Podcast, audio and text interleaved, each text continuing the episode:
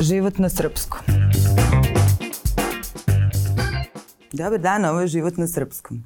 Ja sam Ana Kalaba, a moja gošća danas je Simonida Milojković, pisac. Zdravo, Ana. e, hoćemo da krenemo od toga zašto nije spisateljica. Da. A? Da, Ove, spisateljica, bi, bi, meni nekako deluje kao spisateljica neko ko piše spise. Onda ako Aha. kažemo književnica, što ispravno, ispravnije i nekako milozvučnije, književnica, to bi onda samo ovaj, e, odnosilo se na knjige, jer književnik piše knjige. Budući ovaj, da ja pišem i, i romane, ali i pozorište predstave i scenarija, onda je nekako pisac najtačnije. E, u zagrlju princa Tame, hoćeš li ti da ga predstaviš? -hmm.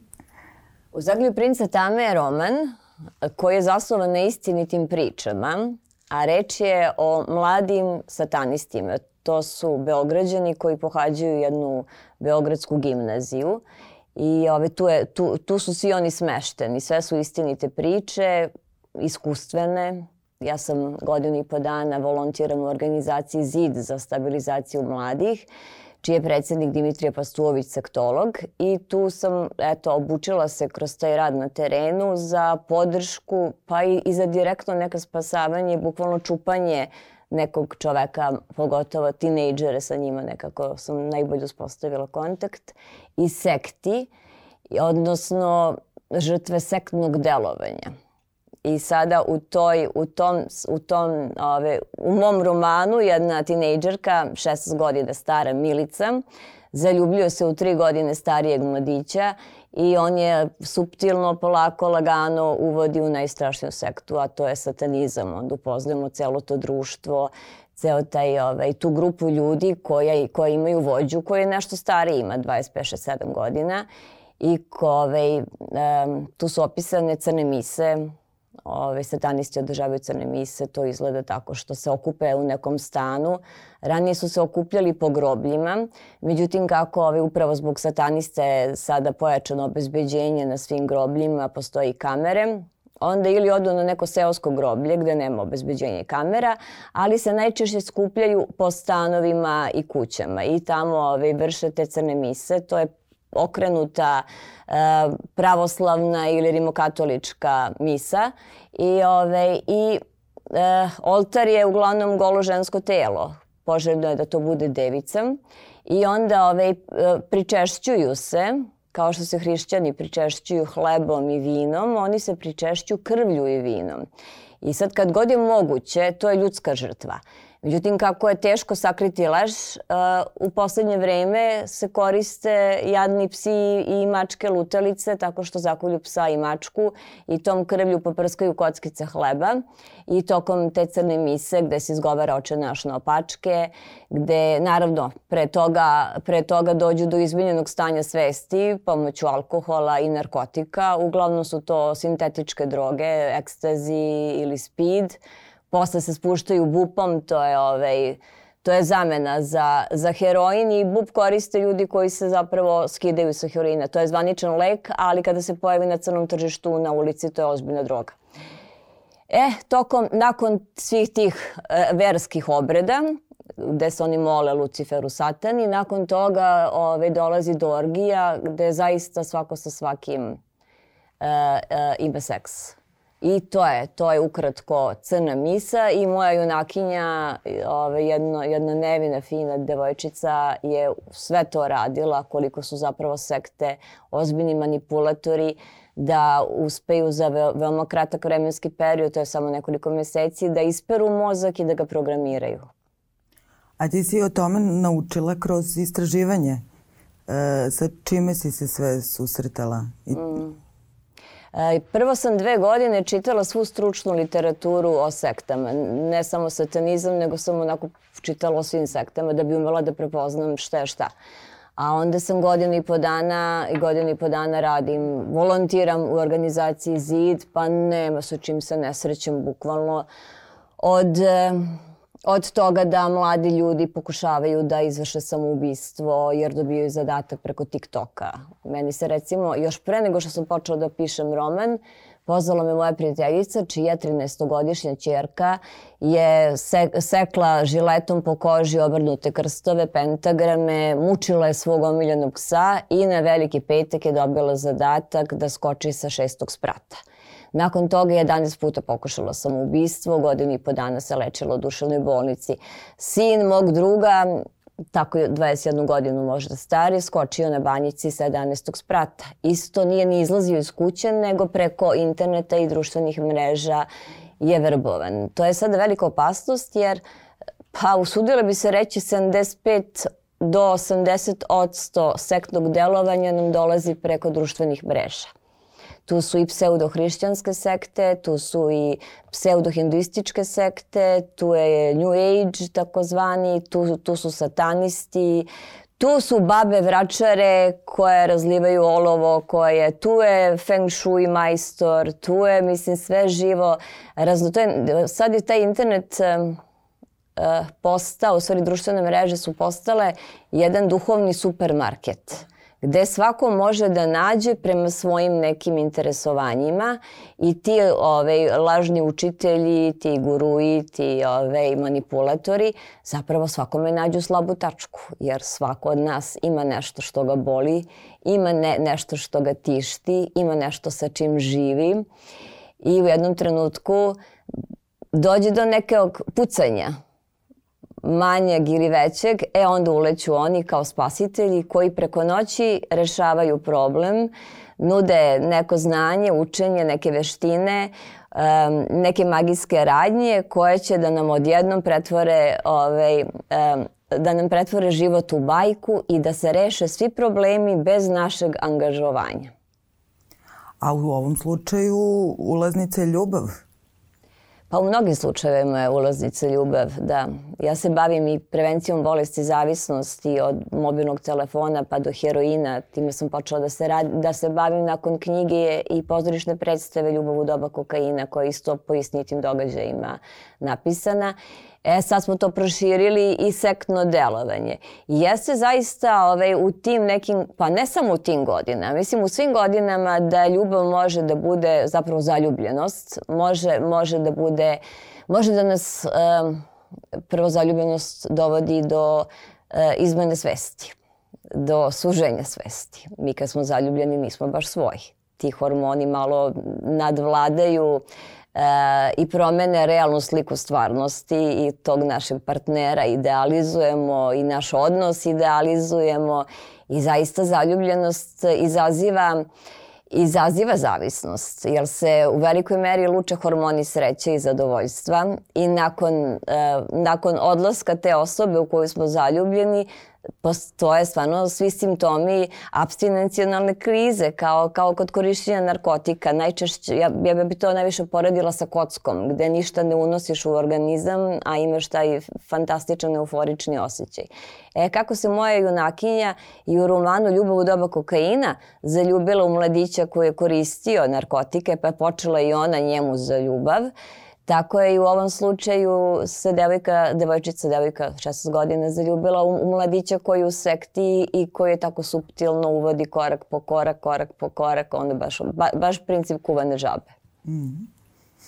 Pa dobro, i Grabljevica je krenula sa nekom ljubavnom pričom. Da, Grabljevica je to specifična jer je ta devojka da, doživela prvo mnogo nepravdi u, u detinstvu, jer je brat kao muško dete, iako mlađi bio favorizovan, jer kao on je muško, pa će njemu sada ostati kuća, njemu će ostati slava, njemu će ostati prezime, a ti ćeš se udati, ti si tuđa kuća. Pa verovatno iz te neke podređene situacije već je bila kivna i na taj sistem vrednosti i na taj odnos prema ženi. Pa nakon toga doživi strašno razočaranje u mladim godinama, u prvom razredu srednje škole, da njen mladić je preveri sa najboljom drugaricom i da ona ih zatekne. I tu je taj neki okidač. Mi nikad ne znamo šta će biti okidač.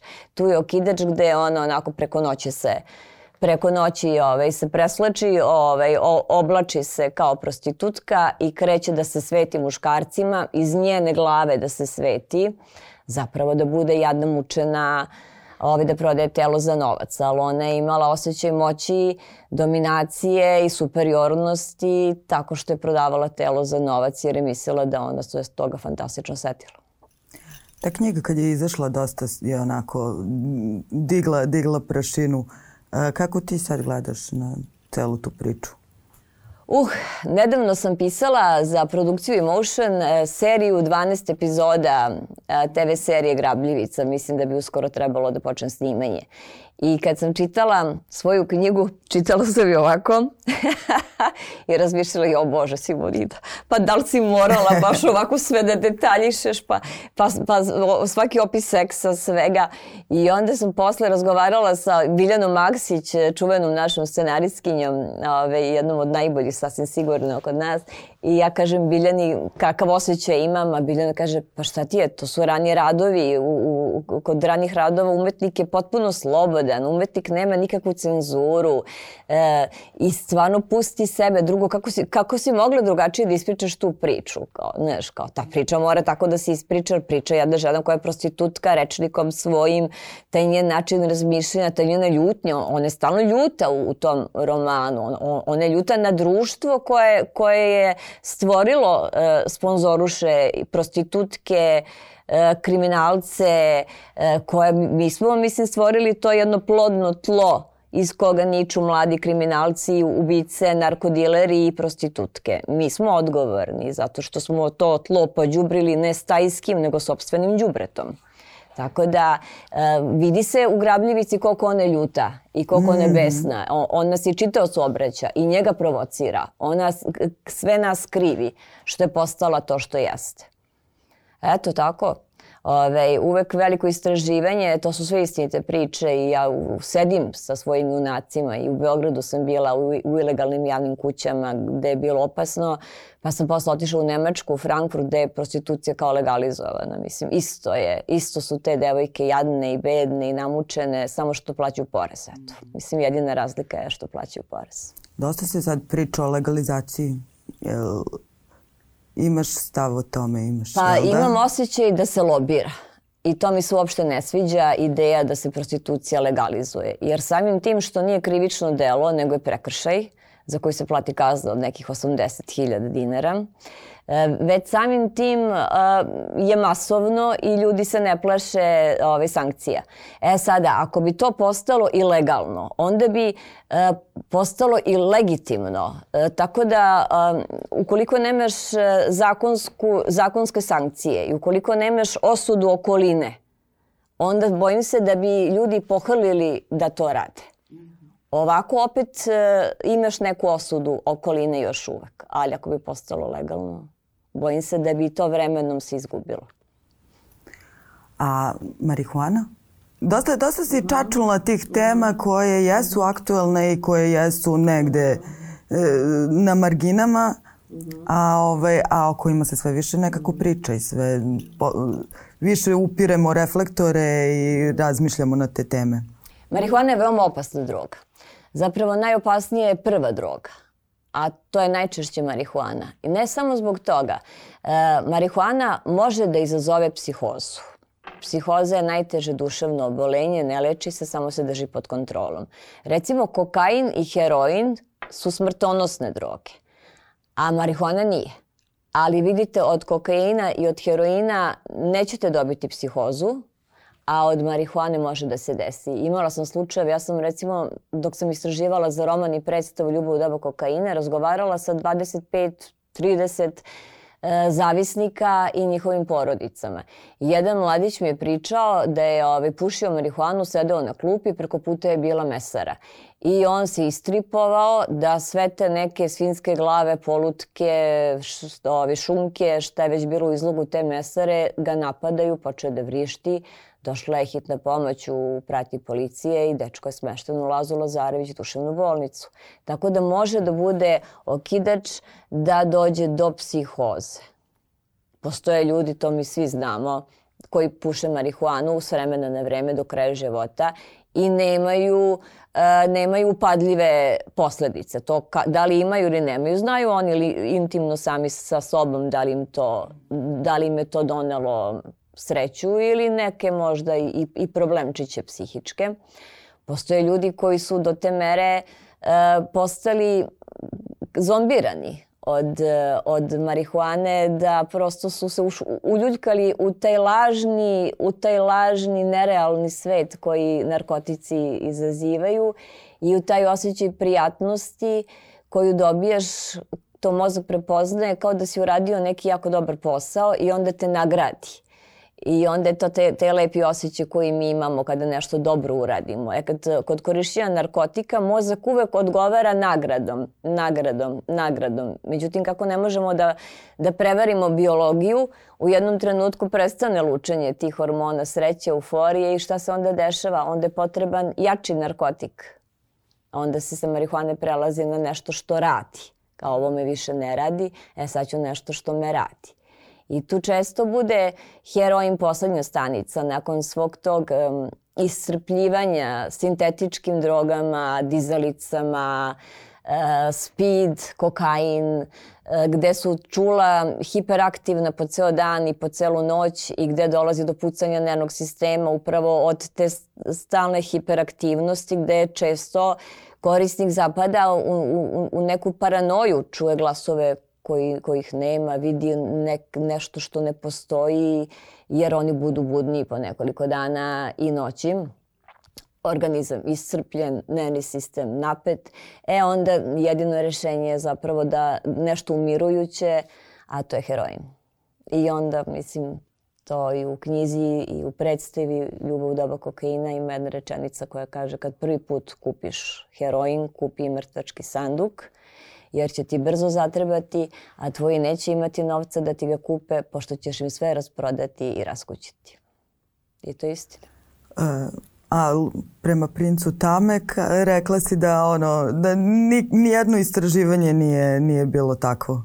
Pa nije, mislim, sedeti sa mladim satanistima, to su ljudi od 13, 14, 15, 16, 18, 20 godina, mladi ljudi koji su se nagledali svog mogućeg užasa, koji su pokušali da, da izvrše samoubistvo, koji su pokušali da izvrše ubistvo. Zato što satanisti dobijaju za, zadatke. Uh, u jednom trenutku dobijaju zadatak da ubiju najčešće člana porodice, ali postoji mogućnost da svojim životom otkupe život člana porodice.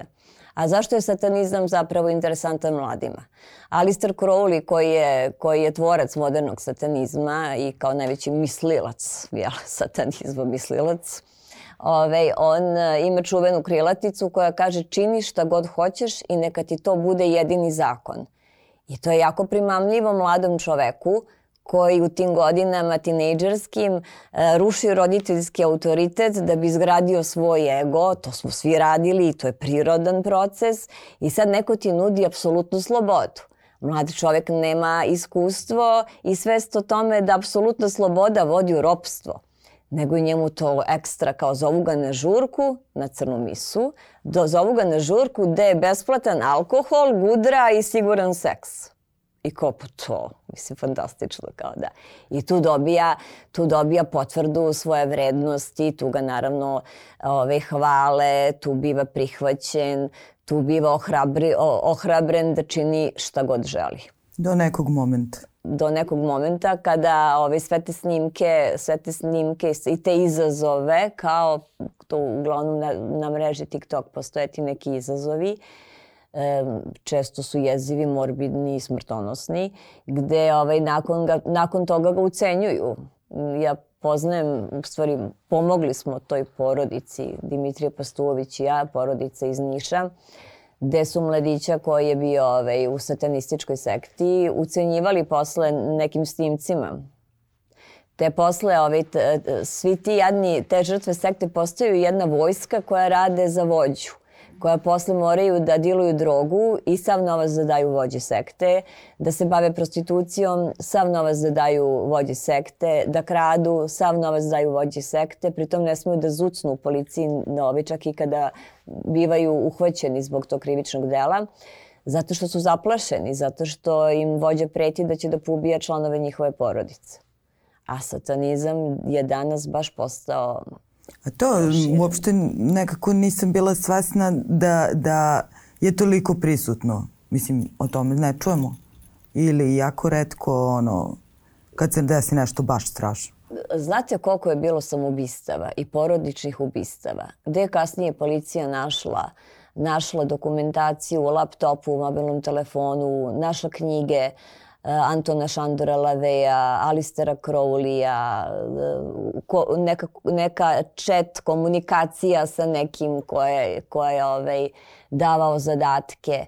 E, to, to mediji posle ne objave. Mi samo negde pročitamo i čujemo da je, da je učinjeno porodično ubistvo, da je počinjeno samoubistvo. Čak i e, mediji i ne objavljuju koliko se samoubistava, koliko samoubistava među mladima ima. Mislim da je 75% sekta, da je to, da je to zadatak. Da je to zadatak.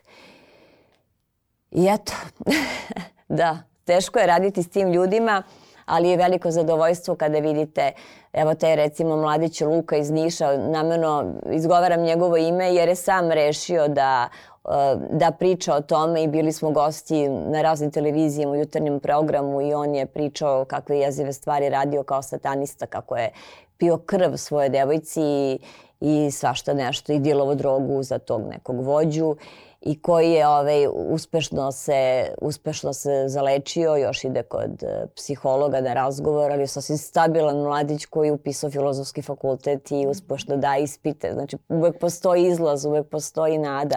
Ali je strašno to, malo pre si rekla da nisi uopšte svestan, niko od nas nije svesan koliko ima sekti. Zapravo i Evropska federacija za borbu protiv sekti je redefinisala pojam sekte. To više nisu samo te velike grupe ljudi, masovnije, male, manje masovne, umrežene na svetskom nivou ili neumrežene, već ovaj sekta može da bude i mala neformalna grupa, može da bude i pojedinac. I u poslednje vreme najčešće pojedinac vrši sektno delovanje. A kao sektno delovanje se prepoznaje sve ono što neko čini koristeći nečiju situaciju neznanja, slabosti da bi mu nametnuo svoje učenje od čega ta osoba ima štetu da li materijalnu, zdravstvenu ili socijalnu. Tako da je to otprilike ovaj, naj, naj, naj, najnovija, nije najnovija, već od 2000. godina na ovamo, kako su se pojavile te neke nove New Age tehnike koje, koje ovaj, Evropska federacija prepoznala kao, kao sektaštvo. Um, Zabrinjavajući je podatak koji je izneo Zoran Luković, pukovnik policije, koji je ceo život proveo rešavajući ta strašna satanistička ove, ritualna ubistva i on je član Evropske federacije za borbu protiv sekti. On je izneo zvaničan podatak da je e, e, više od pola miliona građana Srbije žrtva neke vrste sektnog delovanja od onoga da odem kod nekog horoskopđije pa da mi on priča ove, šta ja treba da radim i kako ja treba da živim, jer Bože moj, tako su rekle zvezde, a on nema teleskop u kući. Ove, e, pa do toga da, ne znam, ode, ode čovek kod neke vidovite zorke i da mu ta gleda, jo Bože, taj slučaj nam je bio jeziv. Dolazi žena u organizaciju ZID, i plače i kaže moj sin je ovaj, uh, u, u, u Lazi Lozarević duševnoj bolnici. I mi kao šta se desilo? Kažete Pa znate, on je, ta, on je pušio tako travu, ja sam htjela da mu pomognem i otišla sam kod jedne žene, a ta žena divna, sve ima ikone u kući, tako ona ima blagoslov sa ostroga da pomaže ljudima, mi je već ono naježili se, mislim, niko nema blagoslov crkve osim ljudi koji su u crkvi, znači jeromonasi i sveštenici, da radi bilo koju versku radnju, nego ti prevaranti tako lažu na, naj, naivne ljude. I kaže, ona je, kaže, razlivala olovo i onda mi je dala tu olovnu vodu i ja sam to kao davala sinu i kao od toga će da prestane jer da koristi marihuanu. I ja onako zgranuto kažem, pa gospođa, ste imali vi hemiju u školi, pa znate da je olovo otrov. Jedan taj, taj sin je pio tu olovnu vodu i vjerojatno došlo do strašnog trovanja mozga, jer on je, on je na intenzivnoj nezi ulazi Lazarević. Ja kažem, pa pobogu, zašto niste otišli u, u Drajzerovu za, ovaj, za lečenje bolesti zavisnosti? Zašto niste otišli pri manastiru Kovilju u, u zemlju živi gde isto jako ogromno smešteni kapacitet i, i dobre rezultate daje isto za ovaj, odvikavanje od narkotika. Mislim, bilo gde, bilo gde, mislim, bilo koji lekar. Eto, šta ljudi urade svoje deci iz neznanja. Da, a u pokušaju da im pomognu. Da, kao kod vidovite neke da ti ona pomogne. A, a reci mi, ovo sad kad se ti u jednu, ajde, ljubavnu priču, e, u jednoj ljubavnoj, kroz ljubavnu priču provukla te neke detalje koje si usput otkrila. Je li bilo reakcija na to? Je, sad kad sam ti rekla, ono, to nije nešto o čemu se priča i ni mediji ne pišu o tome. Ove, da li je bilo nekih negativnih reakcija? Si ti dobijala neke pozive? Ne, ja, ja mislim da ne treba ja da se plašim, nego treba se plaše oni. Da ti koji uništavaju ljude, ovaj, unište, prvo ih unište materijalno, pa im un, unište psihu, pa im unište dušu, pa i unište celu tu porodicu ljudi koji, koji, koji vrše sektno delovanje, oni treba da se plaše. Takođe treba da, da se plaše javne ličnosti koje propagiraju to. Što se mene tiče, svako može da veruje što god hoće. Stavi u svoju dnevnu sobu figuru Miki Mausa, proglasi Miki Mausa za Boga, klanjaj mu se po ceo dan, to je, to je veoma intimna stvar. Ali ne možeš da koristiš poziciju moći koju ti donosi popularnost u nekoj veštini, u nekom sportu ili u nekoj umetnosti da bi propagirao tvoje sektaštvo zato što će generacije da te slede jer si im uzor i uvući ćeš ih u sektaštvo. Mnoge naše javne ličnosti, neki veoma voljeni sportisti to rade. To je, mislim, jednog dana kad se budu suočili sa svojim likom u ogledalu, jednog dana kada savest proradi, mislim da će to biti strašan susret sa svojim likom u ogledalu, da će to biti strašan susret sa sobom kada budu osvestili šta su radili. A dobro, ti sad e, pod sektom smatraš najšire moguće. Ti si ovde vrlo onako detaljno opisivala satanističke rituale. Jeste. Ali, kao što si rekla, nije samo to. Jeste, da, da, da. Sve ono što zapravo, da se, da opet uh, budemo u okvirima definicije Evropske federacije za borbu protiv sekti. Znači, svaka ta tehnika, veština, znanje koja, koju neki učitelj, manipulativni pojedinac e, koristi da bi, da bi naneo štetu nekome. U stvari, koja nanosi štetu nekome je, je sektno delovanje. Tako da tu sad imamo slučajeve iz New Age-a da recimo neke neke tehnike koje, koje, koje pripadaju hinduističkoj religiji, to je zvanična religija. Uh, prvo da razgraničimo, u Evropi postoje samo tri vere religije, to su hrišćanstvo, islam i judaizam. Na području Evrope ne postoji ništa drugo. Na dalekom istoku postoji hinduizam i budizam, zvanične, regularne religije koje su, pogotovo u Indiji, eh, hinduizam je eh, toliko u sprezi i sa političkim sistemom i sa društvenim sistemom, sa, sa zdravstvenim sistemom. To je prosto jedan um, um, zaokružen način života koji je stran i dalek evropskom čoveku.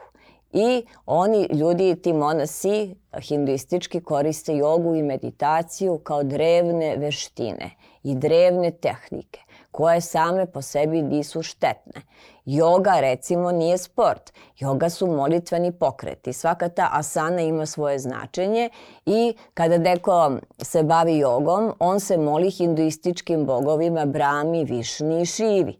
I to prvo moramo da znamo da nije sport, nego da je to molitvena radnja, kao što se hrišćani krste, čine metanije, kao što ovi muslimani klanjaju, Tako, ovaj, u, u hinduizmu su to molitveni pokreti. E sad, šta je problem kod joge i meditacije u Evropi? Što ona ne dolazi iz Indije, nego je to modifikovano na zapadu, gde neki tako manipulativni, nedobronamerni pojedinci su ubacili i okultno, ubacili su magijsko i prvo oni sami nisu dovoljno obučeni jer ti monasi u Indiji de, 10, 20, 30 godina ceo život to praktikuju kao svoju duhovnost. A onda neko to za čas kao ja sam sve to ukapirao pa ću sad ovde da to prodajem po zapadnoj Evropi. Ne bi znala koliko je štetno da, da u organizaciju ZID ne dolaze ljudi koji su baš doživali strašna psihička stanja usled praktikovanja pogotovo kundalini joge, e, meditacije, od e, bavljenja anđelskom meditacijom. Jedna moja dobra poznanica, da kažem drugarica, je izvršila samoubistvo, obesila se. Sve te tehnike koje dovode do promene stanja svesti su veoma, veoma opasne. Jer vi ne znate ta osoba koja je negde nešto obučena, ima kao neki obično, ima neke međunarodne sertifikate. Ove, ovaj, e, e, nikad ne znate e, šta može da vam učini sa mozgom. Mi kada, onda recimo Reiki, Tete Healing, uh, Vortex, uh, NLP, um, Feng Shui, Barsi, ja, ja ne mogu više ni da nabrojim koliko ima ovi, svih tih tehnika sa čijim žrtvama smo radili, a koje se prepoznaju kao sektno delovanje. Ali čekaj, možda ti rade dobro. Neke od tih Normalno tehnika. da dobro, da. Aha. Znaš kako dobro radi kokain? Uzmem kokain, fantastično, raspoloženje, odmorna, nasmejana, raspoložena. Da. A šta tebe radi dobro?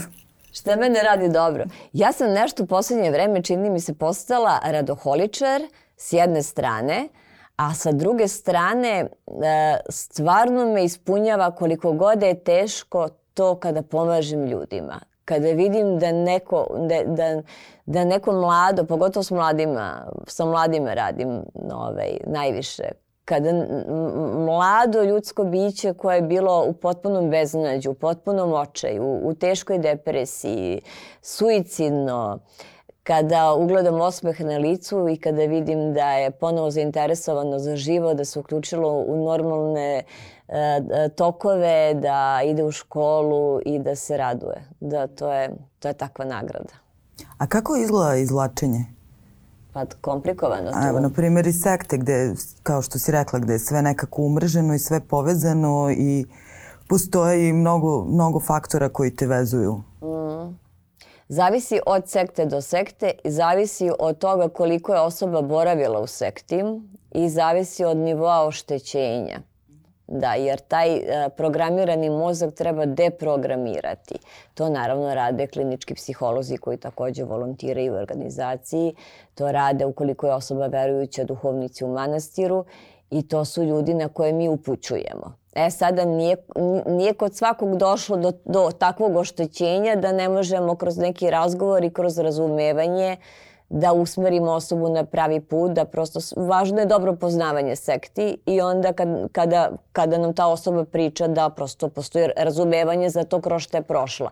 Nekada je, nekada je dovoljno samo da zagrlimo to neko uplašeno mlado biće od 14-15 godina koje osjeća i grižu savesti i kajanje, jer na početku dok to dobro deluje, kao kokain što na početku stvarno fenomenalno deluje, ali posle toga znamo šta, šta nas čeka. E, po, ove, ovaj, osjeća potrebu da ta nova učenja, ta nova iskustva koja kao stvarno rade, ja to povezujem sa onim kad odeš u kazino prvi put sigurno ćeš dobiti početnička sreća, Ove, što, kažu, što kažu ljudi, djavolja rabota. to stvarno se u početku deluje i mnoge te tehnike opet dovode do ogromne količine lučenja raznoraznih hormona, e, što dovodi do autodrugiranja. I ja imam drugaricu koja se recimo bavi jogom i meditacijom i sve su duži periodi gde ona mora da, da primenjuje te tehnike da bi dostigla taj nivo opuštenosti, sreće, taj efekat koji ovaj, postiže i sve su duži periodi i sve kraći rok između dve doze. Da. Dobro, bre, sim, šta si se za jogu uhvatila? Nema jogu da mi diraš. A dobro, to je, to, je, to je opet to kao priča o marihuani. Neće svako da postane narkoman. Neće svako da, da, da upropasti život sebi i svoje porodici ako popuši jedan joint. Ali može da se desi. Nikada ne možemo da budemo sigurni, da. Ne, nego ovaj deo sa sektama, u stvari, e, ono, dalje, e, ono, kidnapovanje mladog čoveka, pa ono, osvešćivanje, kako, kako te tehnike izgledaju. To, Da. Najteže je zapravo iz, iz, iz našeg iskustva, ja nisam imala slučaj da radim sa žrtvom sentološke sekte, radio je Dimitrije Pastuvić u Americi, tamo je bio angažovan da tamo jako, mislim u, u, u, celom, u celom zapadnom svetu je ta Scientološka sekta jako, jako ovaj, popularna, razvijena i zato što ima odlične promotere, naravno, velike filmske zvezde su ovaj, žrtve te sekte. I ovaj, taj, taj Ron Hubbard koji je osnivač Scientologije, on je rekao ukoliko želite za kratko vreme da, da zaradite milion dolara, osnujte svoju religiju. Tako da ovaj, on, on zapravo i ne krije šta, šta sektaši rade. Svima je cilj novac i da posjeduje sa vaš novac sve što vi imate i vašu ličnost kao eto besplatnu jednu radnu snagu koja će da, da mu opet donosi novac. Sve se vrti oko novca kod sekti. E, ovaj, ta, ta ovaj, scientološka sekta je toliko opasna jer ona zapravo briše sećanja. Sada kao, da, e, recimo ja sad imam neku traumu koja mene sprečava da nastavim dalje i oni će meni da pomognu tako što će da mi izbrišu sećanje na tu traumu. I tako, aj sad očistimo ovo, aj sad obrišemo ovo, aj sad očistimo ovo, stvarno nešto čiste. To sve sekte, pogotovo New Age, samo nešto čistiš. Ove, ovaj, I onda, i onda ovaj, zapravo dođeš do toga da taj čovek nema nikako sećanje na detinstvo, na osnovnu školu, na srednju školu, na studentske dane, na e, zna recimo da vozi automobil, ako zna da vozi automobil, zna da pređe ulicu, zna tako neke radnje, postaje, postaje robot bez emocija jer, su, jer mu oni brišu, brišu emocije, jer kao pobogu em, emocije izazivaju traumatična sećanja na, na, na bolne trenutke. To je, to je, to je Dimitrije sa, sa timom uh, neuropsihijatar i klinički psiholog ove, radio sa jednom osobom uh, srpskog porekla u Americi ove, žrtvom Scientološke sekte. Pritom oni silne pare daju za to. Da. To čišćenje je interesantno kod, kod, kod New Age-a. I oni kao da su umreženi. Ja sad odem recimo kod astrologa I on nam, ne znam, uradi mi tu natalnu kartu i sad me pošalje kod doktora opšte prakse, pošalje me kod numerologa da mi odredi koji su mi dobri datumi za posao, za ljubav, za ne znam, da sadim cveće i tako. E onda numerolog kaže, e sad ti moraš da ideš da očistiš svoju auru. Pa odem tamo pa mi neko čisti auru. Pa onda A si bila? Šta vam posla? Pa onda ne, nego, nego iz priča o, ovih jadnih ljudi koji jesu bili. Pa onda ovaj, ovaj ti čisti astralno telo, a onda ovaj čisti drugi eterično telo, pa ti ovaj čisti čakre. I ti samo čistiš ko u gradskoj čistoći da si zaposlen. I onda jadni ljudi totalno skrenu totalno skrenu. Pa astralne projekcije, pa ti kao letiš, izlaziš iz svog tela. Pa to su tako opasne stvari. Psihijatrija e, kod duševnih bolesnika e, ojačava tu barijeru između svesnog i nesvesnog i to je put ozdravljenja. A ove tehnike koje do, dovode do promene svesti i koje kao opuštaju, u stvari brišu barijeru između svesnog i nesvesnog. I to je siguran put u ludilo. Mm -hmm. A ajde sad, u svetu jet seta srpskog krećeš se, koliko je to tu zastupljeno? Pa svude, svude je zastupljeno. Ja sam iznenađena nekim ljudima koji su obrazovani, visoko obrazovani, na nekim funkcijama. Kada čujem da idu kod neke gatare milice, da im gleda u tarot karte, da im daje neke zamotuljke koji će kao te amajlije da im reše sve probleme u životu, kao ako nosiš taj zamotuljak u džepu, sve će ti krene onda recimo taj vortex mi je, mi je neverovatan. Kao kako zračiš, tako privlačiš. Gde ovaj, ti učitelji koji su izuzetno vešti manipulatori uče žrtve Uh, ja nikad ne koristim član sekte. Jer to je uvek, da to je žrtva. žrtva. To je žrtva. To nije politička partija pa, pa si otišao, mada i, i tu imamo žrtve. Često. Dobro, da ne širimo.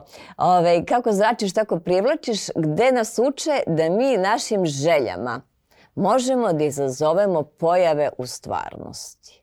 Brate mili, brate mili. Ja sad nešto jako želim i onda će to da se desi. Jer ja sam Bog. Sve zavisi od mene u stvari tu igraju na kartu gordosti, narcisoidnosti, neki, neke osobe sa blagim ili izraženijim narcisoidnim poremećem su odlični kandidati za to gde stvarno čovjek misli da je nešto on po, posebniji od ostalih, da on zaista ima neke moći i onda oni mu kao pomažu da te moći realizuje i da on upravlja ovom planetom. I sad pričati čovjek kaže, ja ne znam kako, ali to u početku deluje. Ja zamislim da nađem parking i stvarno nađem parking. Aha. Ja zamislim ovo, stvarno nađem ovo. Jedna devojka mi je pričala, ubeđuje me koja je stradala, koja je u duševnoj bolnici, ove, pa izašla. Kaže, ja stvarno sam zamislila kakvog dečka želim i takvog sam kao srela, znaš. I onda tako posle dolazi kod svih tih tehnika u nekom trenutku do paralize sna. To je ove, to ja ne znam, ne znam da se nekome nije desilo ko praktikuje New Age, bilo koju tehniku iz, iz, te, ove, iz tog supermarketa. Ove, paraliza sna izgleda tako što čovek leži, spava, a budan je, pritom ne može da pomeri ni jedan deo tela i ima osjećaj da neki, obrati pažu, entitet mu leži na grudima priti, i pritiska mu grudi. Kako je to jezivo stanje. Medicina poznaje, naravno, termin paraliza sna, ali ne zna kako dolazi do toga šta izaziva. Dok, ovaj, dok e, sektolozi i mi koji se bavimo sektama e, znamo. Znamo iz iskustva, iz priče tih ljudi. Da, to je... To, to, to je I zbog čega dolazi? Upravo zbog toga što se, što se ta barijera svesno, nesvesno ruši. Mm -hmm. I što, eto, ovaj, Bixi, junakinja romana u Zagljivi princa Tame koja se bavila New Age-om, Ove, ona je u jednom trenutku, ona je bavila se svim i svačim, pa i kundalini jogom. E, to izgleda tako što oni kažu da svaki čovek na dnu leđa ima neku zmiju i onda zmija se penje uz čakre. Čakre su kao uz kičmu, sve ovde do pinalne žlezde i kada dođe dotle, onda se otvara treće oko i čovek postaje svemogući bog. E, tako. Tako je, ovaj, naravno, tu zmiju i te čakre ne vidi ni jedan skener, ni jedan rengen, ni jedna magnetna rezonanca, ali ti učitelji guru i kažu postoji. Da. E, onda je ta junakinja mučena Biksi, ovaj, koja je tako, nema šta nije probala iz New Age-a, ona je u jednom trenutku počela da vrišti jer je imala, imala je paralizu sna i imala je veoma realističan doživljaj da ogromna zmija je davi i da je puna soba njena spavaća nekih malih zmija. Ona je počela da vrišti, da se brani, da ubija te zmije. U sobu su uleteli suprug i sin, naravno nisu videli ništa od svega toga, to je samo ona videla. I ovaj, ta pozvali su hitnu pomoć i u pratnji policije isto otišu u duševnu bolnicu. Tako da ništa nije bezazleno što nam menja stanje svesti. Od alkohola, marihuane, preko kokaina, heroina, pa do tih tehnika koje nas dovode u izmenjeno stanje svesti. Recimo, koliko, koliko je opasno to nadri lekarstvo. Koliko je opasan jedan, recimo, teta healing, gde čovek vrši psihoterapiju tako što te dovodi u neko stanje poluhipnoze. I taj čovek niti je završio medicinski fakultet, pa specializirao psihijatriju četiri godine, niti je završio psihologiju na državnom fakultetu, pa specializirao kliničku psihologiju da bi mogao da radi sa pacijentima, nego je završio kurs u trajanju od tri meseca i tebe hipnotiše i tebi ubacuje informacije u mozak kako ti treba da živiš da bi bio srećan. To je zastrašujuće. Kad ideš kod zubara da popraviš karijes, ti se raspitaš kakav je taj zubar. Kad ideš kod e, psihoterapeuta, ti odeš tako kod nekog koji je završio kurs i predaš mu svoj mozak da radi s njim šta hoće. Da li više voliš svoj zub od svog mozga? Moramo da, moramo da budemo jako oprezni jer nemamo zaštitu institucija. Zato što svako danas može da otvori astralni centar. I ti lepo odeš i on ti tamo pravi, da, pravi, daje ti neke vodice od kojih ćeš kao da se izlečiš, daje ti praviti neke amajlije od kojih će svi da te vole i da budeš jako uspešan u poslu ili ti uleti u kuću neki feng shui i onda ovaj, ubaciti tamo neke, neke, neke žabe, neke zmajeve, neke čuda. Sad ću ti staviti mahovinu ispod ovaj, otirača u, u predsublju jer ta mahovina će da ti prizove sreću. To je magijska radnja. To je magija. Kada ti vršiš neku radnju uh, i prizivaš misteriozne sile da ti pomognu u ostvarivanju nekog cilja. To je definicija magije. Tako da Feng Shui je magija. Feng Shui uopšte nije drevna veština koja je potekla iz Kine. U Kini je pre nekoliko hiljada godina postojao Feng Shui, ali se nije odnosio na interijer i na unutrašnje uređenje e, objekata doma, poslovnog prostora, nego na to kako da se kuća sagradi u odnosu na grobove predaka, jer su verovali da preci brinu o nama i kako da se kuća okrene i da se postavi u odnosu na grobove, pa kako da, da se iskopa bunar, da, da se nađe voda. I onda jedan od mingova je video da je to već neka magija i da to počinje da šteti ljudima, jer postaju zaluđeni tim i zabranio je feng shui i uništio je sve, sve, sve, sve te spise. Da bi se u 19. veku na Tibetu sekta Crni šeširi dosetila da bi mogli oni da iskoriste taj dobri stari naziv Feng Shui i totalno preokrenuli sve u magiju, gde odjednom sada unutrašnje uređenje doma, pa sad stavi figuricu ovu ovde, a ovu figuricu ovde i te figurice su šta božanstva, pa će da ti završe sve u životu kao. Imamo, ima, ima onaj vic, ove, mnogo mi se sviđa, kaže šta je feng shui, kada kriviš nameštaj što ti ne ide u životu. Dobra fora. Dobra fora. E, tvoji rituali, ili imaš ti neke rituale kojih se pridržavaš? Pa ne znam da li su to rituali. Ja sam ovaj, ceo život pobožna. Ja sam pravoslavac, hrišćanka sam i ovaj, poštujem svaku zvaničnu religiju. To je, to je hrišćanstvo, islam i judaizam. Jer to je tradicija hiljada godina stara i to ne donosi štetu. Nema štetno delovanje. Naprotiv, donosi i radost, i mir, i izlečenje, i već koje. Pa imam, imam, imam te neke rituale koje ima svaki, ovaj, svaki čovek koji u crkvi To je ovaj, ujutru jutarnja molitva, uveče večernja molitva, nakon toga čitam jedno poglavlje iz Evanđenja, Novi Zavet, neku svete oce, duhovnu literaturu, postim svaki post, redu petak, ispovedam se, redovno se pričešćujem i trudim se da budem bolja nego što jesam. Zapravo mislim da je pravoslavlje vrhunska psihoterapija jer ne menjaš ljude oko sebe, i nego, nego menjaš sebe i učiš se praštanju.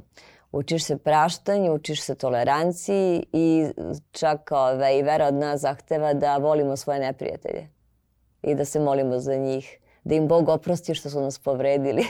da. Da. Da, dobro. I to je sad tema za sebe u kojoj bi moglo da se ide. Aktuelni projekti na čemu, na čemu trenutno radiš? Sada pišem e, stručnu knjigu, referentnu o sektama i sektnom delovanju, zato što osetila sam potrebu da neke nove, nove tehnike koje nisam do sada nalazila u, u, u knjigama tog tipa, ove, a kojih imam u kući ono preko pola kubika stručne literature o sektama, koje nisam nalazila, a koje su moda koja sad nam stiže sa, sa zapada, opet kao neke to su zapravo sinkretističke neke tehnike gde iz, iz ove religije smo uzeli ovo, iz ove religije smo uzeli ovo, pa smo onda tu malo dodali magije i okultnog i onda smo napravili neku novu uh, neko novo znanje, neku novu veštinu, tako da ću da ubacim sve te nove tehnike, osim onih e, poznatih sekti kakve su pseudo-hrišćanske, tipa Jehovini svedoci, e, pseudo-hinduističke, tipa, ne znam, Hare Krishna, ovaj, da ubacim i ovo, o, ovo danas, ovaj duhovni supermarket koji zovemo New, New Age. da. Biće zanimljivo. Hvala ti, Sim. Hvala puno, Ana.